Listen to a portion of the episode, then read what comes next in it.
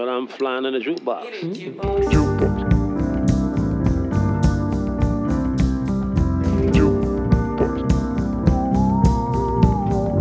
Flying jukebox. Hej och välkomna till den flygande jukeboxen. En podd av, med och för musikälskare. Mitt namn är Patrik Stanelius och den här veckan får jag sällskap av Umeås finest, nämligen Frida Selander. Frida borde vara ett bekant namn för alla som gillar gitarrbaserad indie-rock från Västerbotten. För hon har bland annat spelat i bandet David Sandström Overdrive och även släppt en rad skivor som soloartist. För snart tre år sedan släppte hon albumet När du går på känsla är du alltid i tid. Och det var en skiva som fick folk, inklusive jag själv, att haja till. För där var nästan allting runt Fridas röst bort plockat och när det händer så blir det plötsligt väldigt svårt att värja sig att veta vart man ska ta vägen. Hon gjorde även en väldigt hyllad scenföreställning som byggde på skivan och reste runt med den i två års tid. Som ni kommer få höra är Frida väldigt förtjust i att jobba med dockteater. Just nu har hon fullt upp med att skriva musik till en dockteaterföreställning som heter Häxan och Humlan som har premiär i höst. Dessutom gör hon Låtsaspodden tillsammans med musikerkollegan Erik Rosales från gruppen Cirkus Alfon. Och, och, och. Det är ett nytt Frida Selander-album på gång. Sakta men säkert snickrar hon ihop låtarna till det tillsammans med mästerproducenten Oskar Sandlund. Nu över till samtalet. Välkommen till den flygande jukeboxen Frida Selander, eh, gitarrspelande krönikör Västerbottens-Kuriren. Är det en rimlig beskrivning? Ja, absolut. Tack. Roligt. Ja. Du, hur, för, för du skriver ju regelbundna tidningskrönikor Ja. för VK. Ja, faktiskt. Hur länge har du gjort det nu? Hur länge, och när var det? Åh, jag är ganska dålig på år och men det måste vara i alla fall ett, två, tre. Ja, men det, ja, precis. Bra. Bra. Det är ja, tre år känns det som. Ja. Jag tänkte, när du skriver i tidningen så känner jag ibland, för jag läser dina krönikor, Ja, vad kul. att eh, kul. jag måste liksom kavla upp ärmarna och göra mig beredd på att bli känslomässigt involverad. För att det är så... Det kan vara väldigt hudlöst. Mm. På ett sätt som inte går att tolka på särskilt många sätt. Nej, nej, nej. Men det är ingenting som skrämmer dig? Nej. Nej. Nej. Nej annars skulle Det- du inte göra det kanske. Ja, ja nej, när det känns att du säger det, att du känner så, då känns det meningsfullt. Alltså det känns meningsfullt för mig, att du läser och känner så. Ja. Jag kommer ihåg en särskild, nu, nu kommer inte du få ett exakt datum av mig men det gör nog ingenting. Nej, När du skrev om våren, ja den det. annalkande våren. Det Ja, var, det var tidigare i år. Eh, som var eh, ja, helt fantastisk. ja, vad fint. Tack. Bra, vi går in på, vi går in på musiken för det är trots allt Ja. det som den här grejen kretsar kring.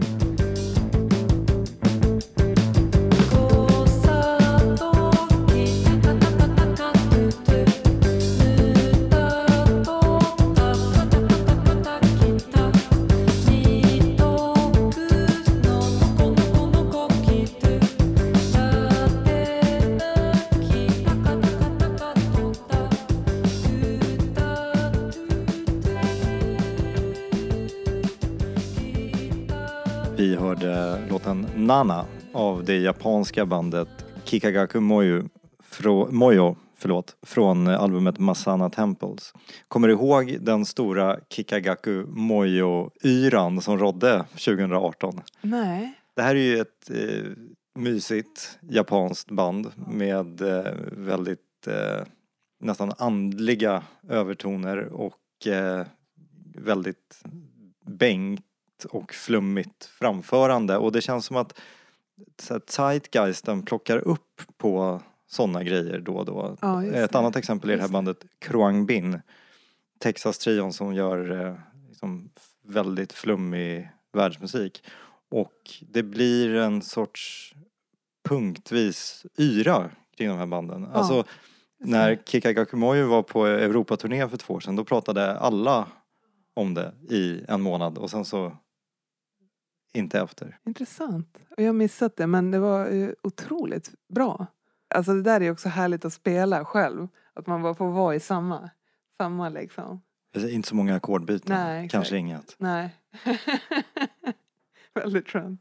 Det finns ju också en eh, tanke med det här låtvalet och det är Mm. den japanska kopplingen. Ah, Du kanske vet vad som kommer här nu men eh, inför, eh, eller i samband med att du eh, reste landet runt med din föreställning Ja. som eh, bygger på albumet Mm. När du går på känsla är du alltid i tid. Så pratade du om, eh, och i föreställningen också, pratade du om den japanska bågskytteformen Kyodo. ja, ja. Och eh, för folk som inte är invigda kan du ju nämna någonting om den. Ja, men det är som, jag har ju inte själv prövat den men läst om den och liksom bara åh, fascinerats och, så här, och känt igen massa saker i det. Liksom.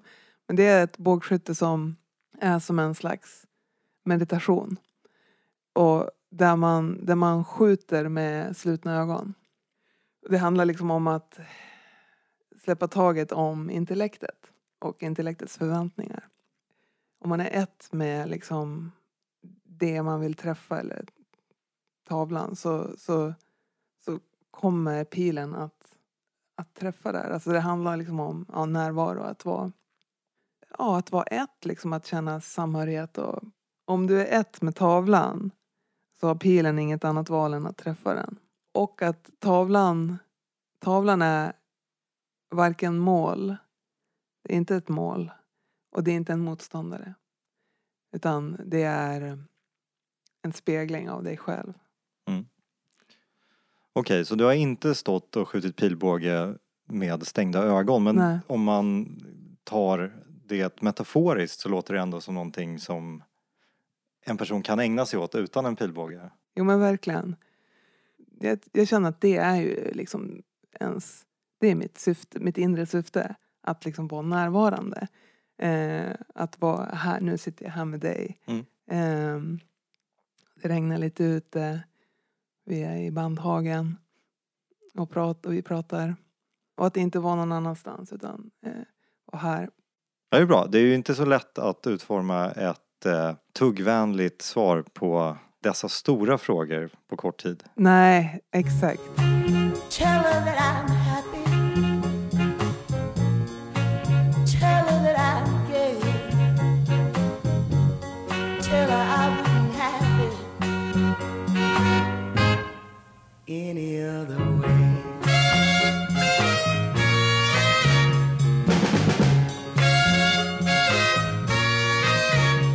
Bra blås alltså.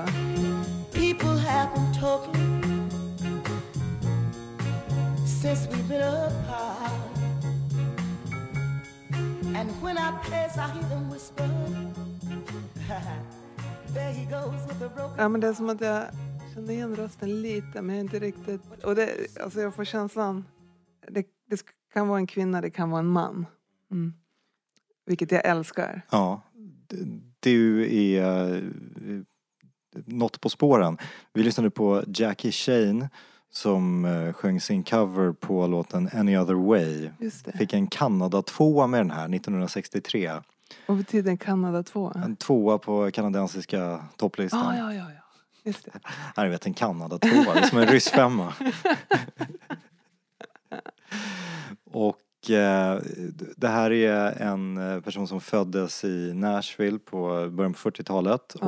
och eh, eh, tidigt en musikalisk talang. Spelade trummor i en lokal eh, orkester när hon var tre- 13 och sen så började hon sjunga rock'n'roll och rhythm and blues.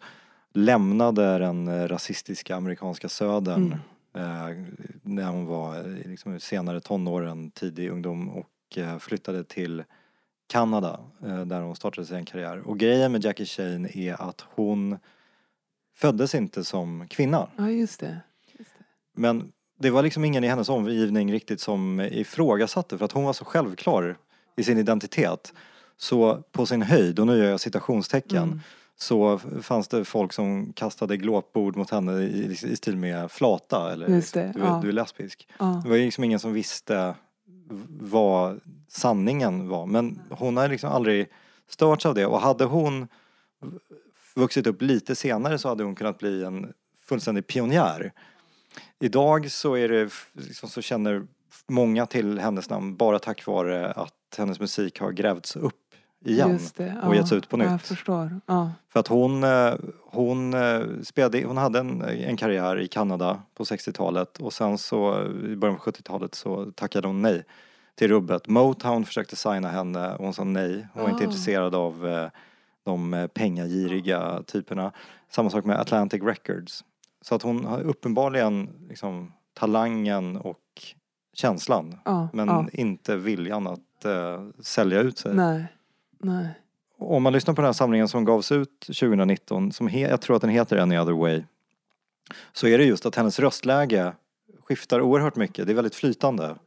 Att hon kan låta som Nina Simone i ena stunden och eh, Sam Cooke i andra. Hon är, hon är alltså väldigt, väldigt röstkonstnär. Häftigt. Mm. Fan vad kul. Och sen som du var inne på, blåset. Ah. Alltså det var ju liksom, ah. Ja, jag vet inte, man kändes i hela kroppen alltså. precis. När de går upp en oktav Ja, där. ja. Det är fantastiskt. Ja, så jävla härligt alltså. Ja. För mig kan det vara som en så här fix. Att jag kan gå runt och bara känna att jag behöver höra det här blåset nu. Ja, ja, är det så? Ja. Jag får sådana grejer med vissa låtar. Ja, Nej, verkligen. Distant echoes of my heart on break.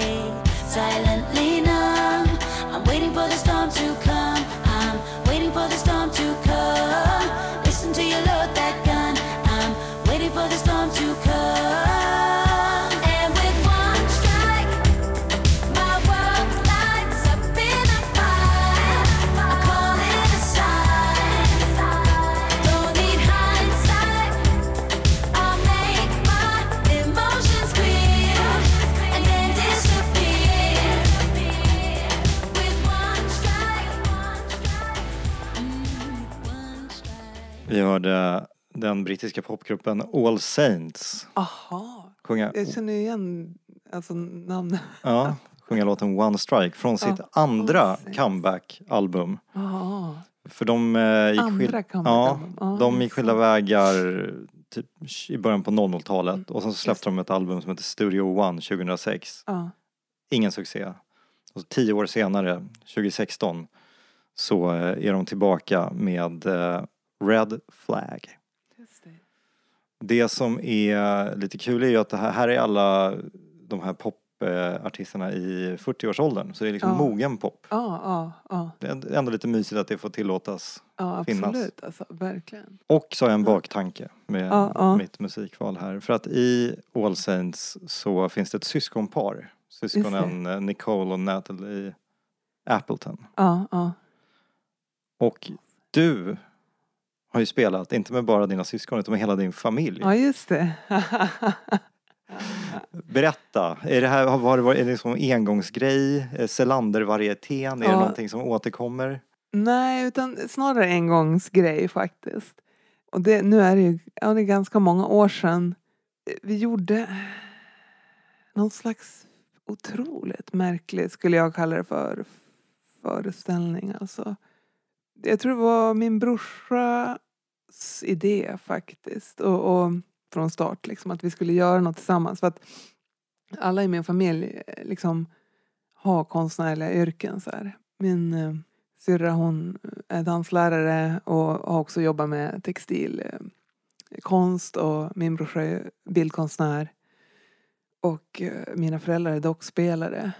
Så idén var liksom att göra något tillsammans. Och vi gjorde ju liksom en, en föreställning som var, men när, hur länge sedan är det? Det måste ändå vara så här 15 år sedan tror jag.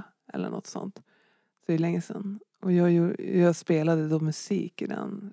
Sen, sen har vi gjort lite liksom, min mamma skrev en vuxen dockteaterpjäs.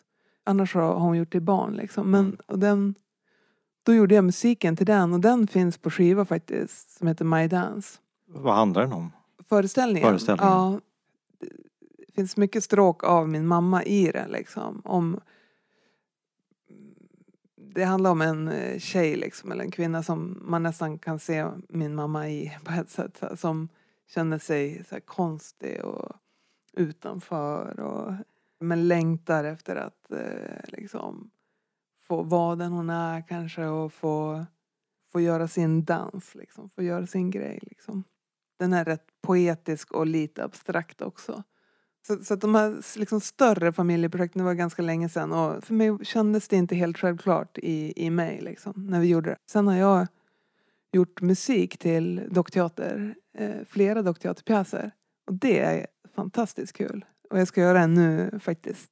Men alltså till andra dockteater, utan, utan till din mammas? Ja, ja, ja. Och, det, och jag älskar ju den konstformen, dockteater. Alltså. Och överlag barnkultur älskar jag. Liksom, att det, och och eh, det är jätteroligt att göra den här musiken. Och spännande och, och att få jobba då med mina föräldrar blir det ju. Så det, så det håller vi på med nu fortfarande. När du Ja. vet att den tilltänkta publiken är av det yngre slaget, Ja, ja. tänker du annorlunda när du gör musiken då Mm. eller är, är det ingen skillnad? inte medvetet sådär. Men musiken blir ju annorlunda, det blir den ju. Eh, Men den är instrumental. Eller jag använder rösten fast utan ord. Mm. Men jag använder ju mig av elgitarr väldigt mycket. Och det är sånt som jag liksom kan göra ljud med. Liksom. Och, alltså vissa stycken är ju liksom ganska allvarliga eller liksom lite läskiga kan de vara. Barn, alltså de är ju precis som oss liksom i, i vad de kan ta emot och tänker jag i alla fall. Och så här, att, att inte underskatta eller liksom eh, att det måste vara på något särskilt sätt utan så här. Eh.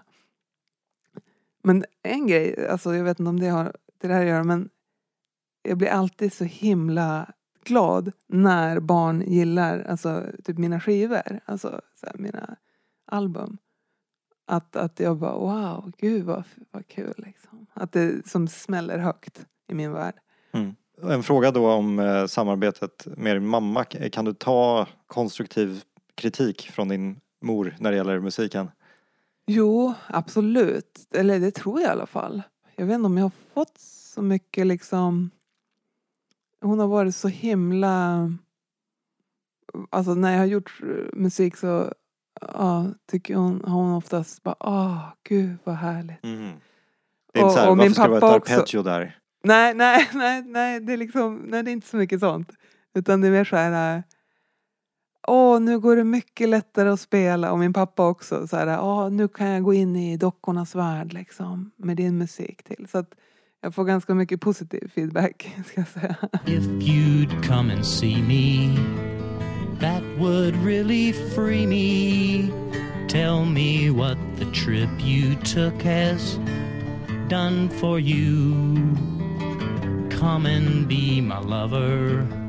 I think you'll discover that I'm like the zephyr down the right track now. Det är så säreget det här munspelsolot. ja, extremt säreget munspelssolo. Det är liksom väldigt skärande. Ja, Liksom. spottigt nästan. Nu blir det mycket att packa upp här Frida. Ja, ja. Vi lyssnade på Rocky Erickson Ja, det var det och alltså. Clementine Hall sjunga Right Track Now. Fan, det var han. Mm. Är du tight med Rocky annars? Ja, faktiskt. Alltså jag har ändå lyssnat en Mm. del. För mig så är det här tyvärr ett bevis på devisen att man ska aldrig kolla en bra story. Okej. Det här är inspelat 66 ungefär Ja, ja. under 13th floor elevators Just dagarna. det. Ja. Och eh, inte långt därefter så blev han ju diagnostiserad med paranoid schizofreni och eh, inlåst på diverse institutioner. Han fick eh, elektrokonvulsiv chockterapi och så vidare. Jag har alltid tänkt att det här är en låt Medan jag pratar nu så hör jag att det inte stämmer med kronologin men jag har alltid tänkt att det här är en låt som han skrev inifrån in- institutionen. ja. För att det Ja, handlar ja. ju liksom If you come and see me that would surely free me och så vidare och så vidare. Men det här är inte ens en Rocky Erickson-låt till att börja med. Den är skriven av en kille som heter Powell St. John. Just det. Men den är väldigt fin. Ja, fin låt. Verkligen. Fin låt. Eh, och så hade vi vissa kommentarer kring munspelssolandet där. Men det är också, jag tycker det, det finns en nerv i det. Absolut. Alltså så mycket nerv. Mm. Alltså det är ju verkligen. verkligen en enorm nerv alltså. Mm. Och så stackars Clementine som får sitta kanske i hans knä eller någonting och nynna. Ja, jo. Rocky Erickson var ju intimt förknippad med eh, staden Austin i Texas. Just det. Det är ju sant ja. Det är sant. Och för något år sedan, eller om det var i år eller, i eller ja typ för ja, precis ett år sedan. ja, så var jag i inspelningstillfället så var du Ja, där för att du fick ett, Ett eh, vistelsestipendium ja, från konstnärsnämnden. berätta. Så fint alltså. Ja men det var ju äh, det var så mäktigt alltså. Fantastiskt. Eh, är- Så konstnärsnämnden har ju, de är ju grymma tycker jag. Dels man kan ju söka arbetsstipendium därifrån vilket jag har fått några gånger och, och så har de det här vistelsestipendiet. Och då, då får man, eh, nu ska vi se så jag inte säger fel, tre, ja, nu vart jag osäker, var det tre eller fyra veckor? Fler än två? Ja, fler än två veckor. Ja, men det var tre, fyra veckor eh, som eh, man får vara Eh, i Austin. I, I Austin, de har ett samarbete med något som heter House of Songs. Och House of Songs, de jobbar med massa olika liksom, artister och mycket i USA. Liksom, med olika låtskrivare som kommer och gör grejer och så här. Så att, men konstnärsnämnden har liksom knutit sig till dem med det här stipendiet. Liksom. Så Eh, man får eh, en, bo i en, de har både lägenheter och ett stort hus. Jag fick bo i huset. Alltså, det var eh, så fint alltså. Och eh, så får man vara där och idén är att, att kunna få tid att skriva och göra musik och ja, få inspiration såklart. Och det var ju alltså för mig superfin resa. Dels, dels alltså ett miljöombyte tycker jag så här, oh. Och så att få den här tiden som också på något vis blir så, så liksom, som egentligen tiden alltid är, dyrbar. Eller så det är inte dy- dyrbar är fel ord. Jag bara, alltså jag ska ta tillvara på varje dag här. Och, och den känslan, det menar jag, det, den känslan är ju alltid. Mm. Varje dag är en gåva liksom. Men det blev starkare just då, där. Men jag hade ett fint rum där, satt och, och skrev ganska mycket olika melodier och sådär. Och, alltså det är musik överallt där. De kallar sig för typ live Världens live-huvudstad. Ja, ja, ja. Så det var, alltså det var ju helt vansinnigt faktiskt. Eh, Man gick ut, alltså överallt var det livemusik, olika klubbar och pubbar eller utomhus. Och, så jag såg, jag såg mycket bra musik alltså. Jag såg något grungeband som var riktigt bra. Nu kommer jag inte ihåg vad de hette exakt nu men det tyckte jag var uppfriskande. Så här. Jag har ju lyssnat mycket på det förut. Och, eh, men också så här soul och så att det, var, det var också något som jag tyckte var häftigt att jag såg nog minst ett band per dag liksom. Kul! Ja, Och eh, då är ju såklart den logiska frågan, kommer vi, publiken, att få höra frukten av arbetet i Texas på något kommande släpp? jo men det finns absolut, ja det kommer att ha, få höra några liksom några spår därifrån faktiskt. Nu håller jag på med att spela in eh, nästa album liksom. Och det är ett par låtar som, som, är liksom, som har uppkommit där. Som, eller som har uppkommit i Austin sen när jag jobbar vidare på dem. Liksom. Men alltså, jag hade ju alltså, säkert jag vet inte hur många röstmemos och liksom hur många låtar som helst.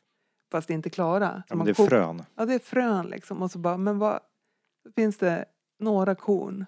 Jag lyssnade på ett avsnitt av podden Song Exploder när de eh, dissekerar, personer som har skrivit låtarna dissekerar ett, en låt i, Ja. i ett avsnitt. Och då var det ett avsnitt som handlade om eh, Metallica. Mm. Och då berättade James Hetfield att eh, han sitter med sin eh, röstmemo-app i telefonen och eh, liksom eh, improviserar riff. Ja. R- så här, Riff idé 1. Dugga, dugga, dugga, dugga. Okej, riff idé 2. Men, nej, men, nej, nej, nej. Och så skickar han det till Lars Ulrik som får så här, okej jag får hitta på någon komp. älskar de där röstmemosarna. Mm. Alltså. Jag jobbar ju tillsammans med en kille som, ja, som du känner också, Oskar. Oskar Sandlund. Oskar Sandlund. Vi jobbar ja, vi tätare och tätare. Alltså, nu skriver vi också tillsammans liksom, mer och mer. Apropå röstmemos så har jag mycket roliga röstmemos från våra sessioner liksom. Och det är fantastiskt. Särskilt när man inte, vi ska typ pr- försöka spela någon låt liksom. Kanske lägga lite stämmor och så bara. Man bara alltså. Håller vi ens på med musik eller? Ja.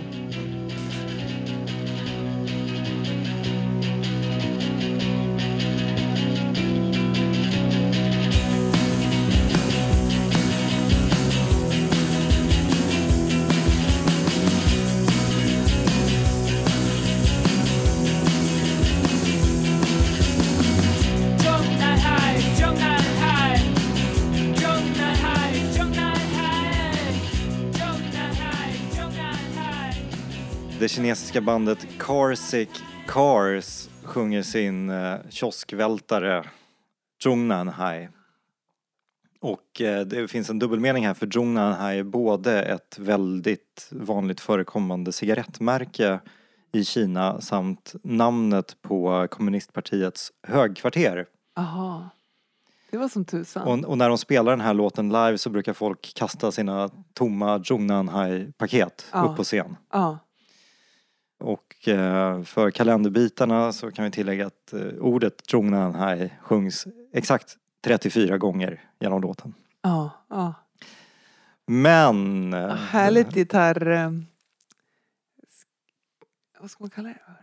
Stön höll jag på att säga. Gitarrskrik. Ja, Stök. ja, Ja. precis. Jag tycker att eh, det här riffet påminner ganska mycket om Stiff Little Fingers-låten Alternative Ulster.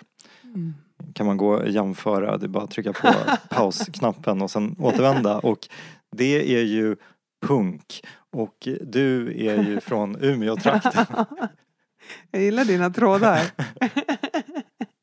Nej, men, eh, jag tänkte be- berätta lite för du är ju eh, en gammal gitarrhjälte som har misshandlat strängarna och har rört dig mot ett mjukare Alltså en mjukare musikalisk framtoning på Mm. sistone. Men så var det ju inte alls i början. Nej.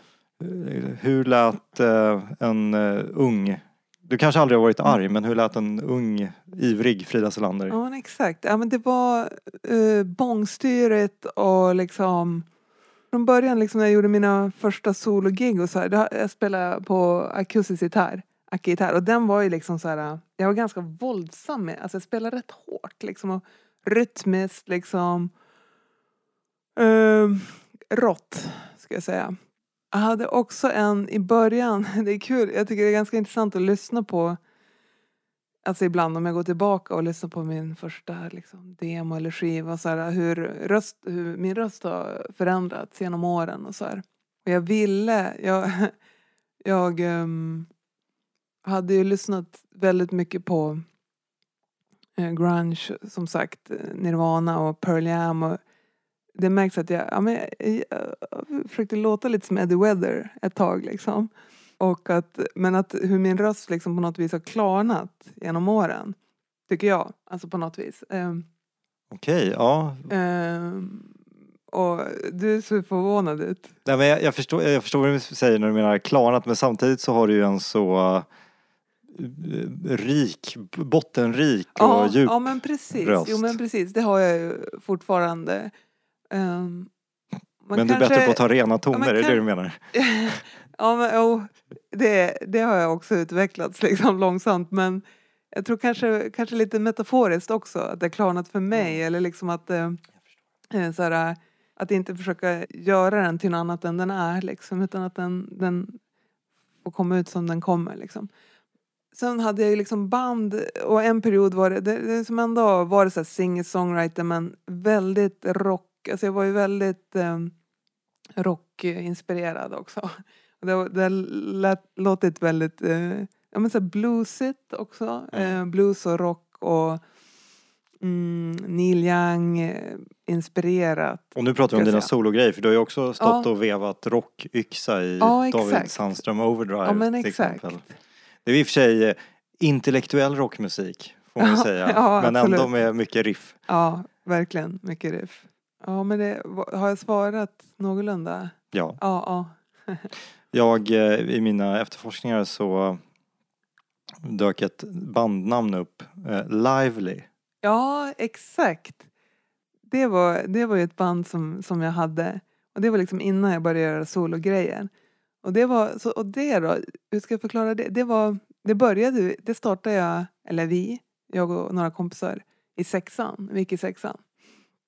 Och hade liksom under hög, hela högstadiet och eh, gymnasiet. Det tycker jag är så fint att det är väldigt så här eh, på något vis man jag tror först, först så, ja men vi, vi spelade ju såklart lite covers och så här. Så började vi skriva lite egna låtar.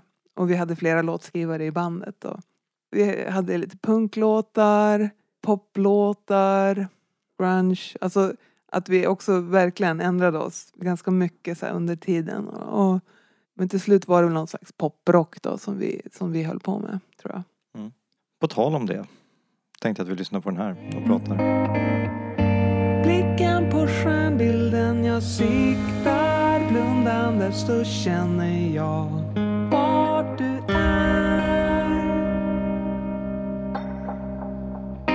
Befriar pilen som träffar dig mitt i prick. Hoppar upp i din famn din bröstkorg som en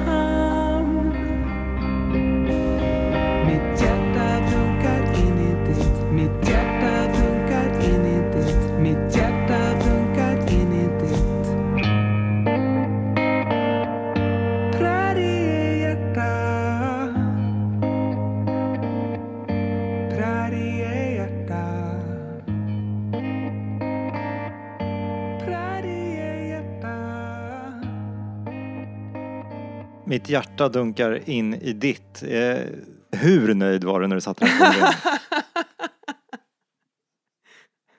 Är det någonting som du gått och burit på länge eller blev det en stundens ingivelse?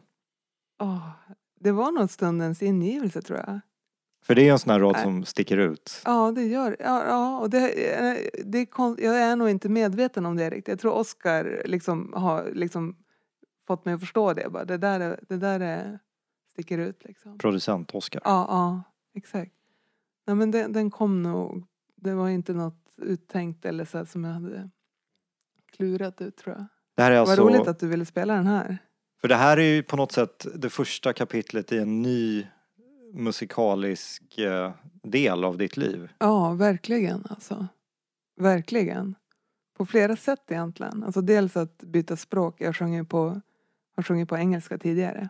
Så det var ganska stor, liksom, speciellt att börja skriva och sjunga på svenska. Och så sen musikaliskt att, att eh, vi, säger Oskar och jag, rör oss bort från eh, rocken liksom, eller vad man ska säga. Och, och mer liksom kanske något, jag vet inte vad det är riktigt. Det är väldigt atmosfäriskt. Ja, ja. ja det är det faktiskt. Ni bygger ju upp en värld med extremt mycket reverb. Det är små visslingar och ljud som man försöker identifiera. Det här åskmullret Ja, i bakgrunden. ja. Som inte är åska va? Nej, det är en plåt. Plåtare är bra alltså. Mm. Ja, det, det är ett bra ljud alltså. Jag tycker om det alltså. Sen är det något, alltså, det ljudet gillar jag också. I introt så är det ett så här... Jag vet inte hur jag ska göra det med munnen. Det är i alla fall ett tips för folk som vill spela in roliga ljud. Ett, det är ett så plaströr, det är något byggrör som jag hittar på gården. Liksom. Ganska långt, kanske en och en halv meter. Så man vevar liksom, snurrar så här äh, snabbt. Så är det väl något med att det blir nästan som en slags flöjt på ett sätt kanske. Alltså luften åker igenom det så blir det som ett flöjtaktigt ljud på något vis. Mm. Och eh, det här är ju eh, en låt från ditt album När du går på känslor och alltid tid. Som vi nämnde tidigare i avsnittet så har du byggt en scenföreställning kring det här. Alltså Mm. inte en vanlig albumturné utan du har Nej. byggt en föreställning, en Ja. enpersonsföreställning. Ja, ja, det har varit så kul alltså. Alltså superspännande och läskigt. För jag kände, det var så att jag spelat så mycket liksom live och hållit på liksom länge och att jag har alltid haft mycket mellansnack och det har varit som något som jag har gillat och som jag tyckte varit viktigt. Och ett sätt för mig att liksom också få ett, ett möte eller en kontakt med publiken på det sättet. Så här. Och att jag ville ge någonting mer än, än musiken och låtarna. Och så var det som att jag, liksom, det på något vis bara växte och växte och att jag började ta med mig olika föremål som jag pratade om på spelningar och hade projektion. Alltså det är många som har såklart. Och, men liksom det blev lite, ibland var det lite någon måne som hängde. Och så, vid någon punkt så bara, men vänta nu, det här är väldigt, alltså nu är jag som in, det är som ett steg någonstans. Och också med hjälp av lite kompisar som, alltså som, som speglingar så här. Att man kan få syn på var, var är jag någonstans eller var är jag på väg. Så, så bara, men, nej, men nu, jag, ska, jag, jag, gör en, jag gör en föreställning. Så det, det är en scenografi och, och ljus och Du suddar ut gränsen mellan eh, musik och teater. ja, Och, och det är inte en, liksom, en musikal i den bemärkelsen, utan det, det här är ju någonting annat. ja. Ibland brukar jag förklara den genom vad folk har sagt till mig. Alltså folk som har sett den. Ganska vanligt är att folk bara, "Ja, men det är, det är nästan som en meditation. Så här, man blir lugn och att det är liksom ett annat tids, det är som ett nytt tidsbegrepp typ. Känner du dig nödgad att på något sätt eller fortsätta uppträda i den här formen eller blir nästa förutsatt att den här smittan någonsin släpper? He- Hej tidsdokument. Jag vet inte. Men blir nästa turnécykel mer regelrätta spelningar? Eller det, du Mm, kanske inte vet än men... Jag, Jo, men den, det, man vet ju aldrig någonting. Det är det som, är, som man har blivit extra påmind om nu alltså under den här pandemin. Men, men det är ju faktiskt sant. Alltså, vi, man kan aldrig veta något om något. Men min vision i alla fall eh, är att göra en föreställning. En, en ny föreställning utifrån den här skivan då, som jag håller på med. Och jag är jättesugen på det och det känns väldigt spännande. Så, att, så det är liksom tanken.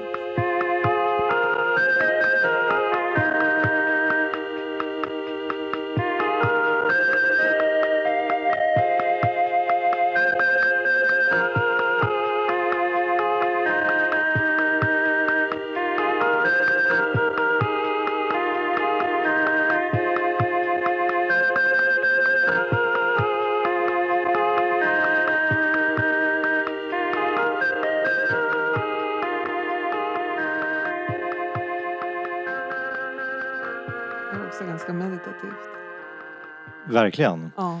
Jag eh, tog fäste på en grej som eh, det i Weekend skrev om eh, din föreställning Mm. och som du själv nämnde att någon har sagt, det kanske var det, men att Mm. här, Frida Selander uppfinner ett nytt tidsbegrepp.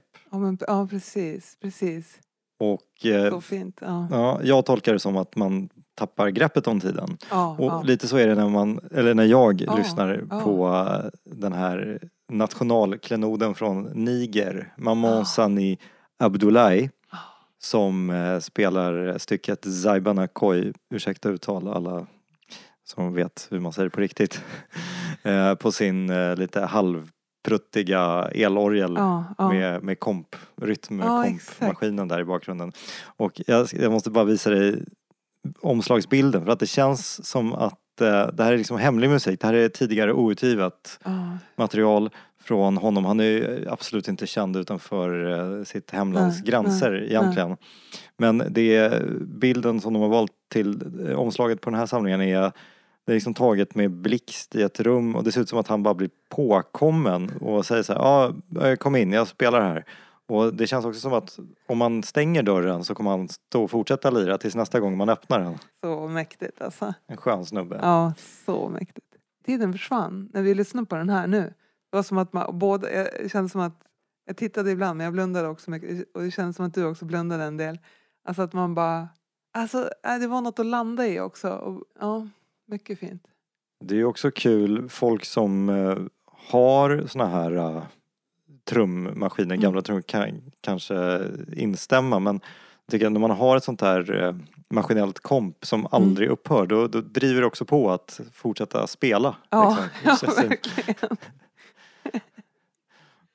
Vilket också bidrar till den här liksom, till slut så infaller man i någon sorts trans. för Ja, man bara ly, lyder under maskinen. Ja, visst alltså. Då har det blivit dags att runda med den sista låten.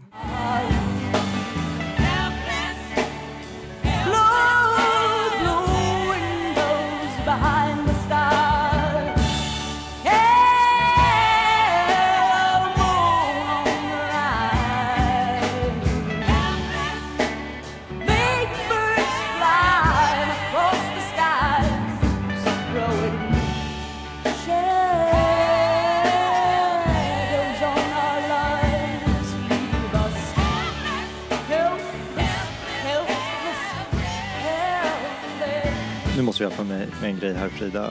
Hur kommer det sig att varje person från Umeå, i Ja. alla fall som jag har träffat, skulle ta en kula för Neil Young? Ja, en bra fråga alltså. Va? Hur kommer det sig? Och det, det är nog inte geografiskt begränsat till den trakten heller. Nej. nej, han är... Alltså den musik han har gjort, det är... Det, det, jag vet inte. Apropå nerv alltså. Shit alltså. I rösten och, och melodin. Men alltså, han skriver... Alltså bra låtar. Alltså, Du famlar lite efter orden här, men det är någonting som du nej, gillar men väldigt det, mycket. Det, så- det, ja, jo men han, han har berört mig så mycket. Alltså. Jag har blivit väl, eller är berörd av hans musik liksom. Och melodierna och rösten och spelet och elgitarren. Ja, men det, det är liksom allt. Men det, det är så jäkla mycket. Ja, det är nerv och, och feeling alltså. Här hörde vi eh, Neil Youngs Helpless från eh, första Crosby, Stills, Nash Young albumet men sjungen av en person som inte heller är askass på att ta i. Buffy St. Marie. Ja, det var hon som sjöng. Ja. Bra, bra röst alltså. Ja, det var jävligt fin version. Jag gillade versionen alltså. Men är du, eh, liksom, hur långt sträcker sig din eh, fascination? Är du en sån här arkivgrävare som eh, saliverar över varje nyhet om att nu kommer det 75 timmar tidigare outgivna tagningar från eh, Harvest?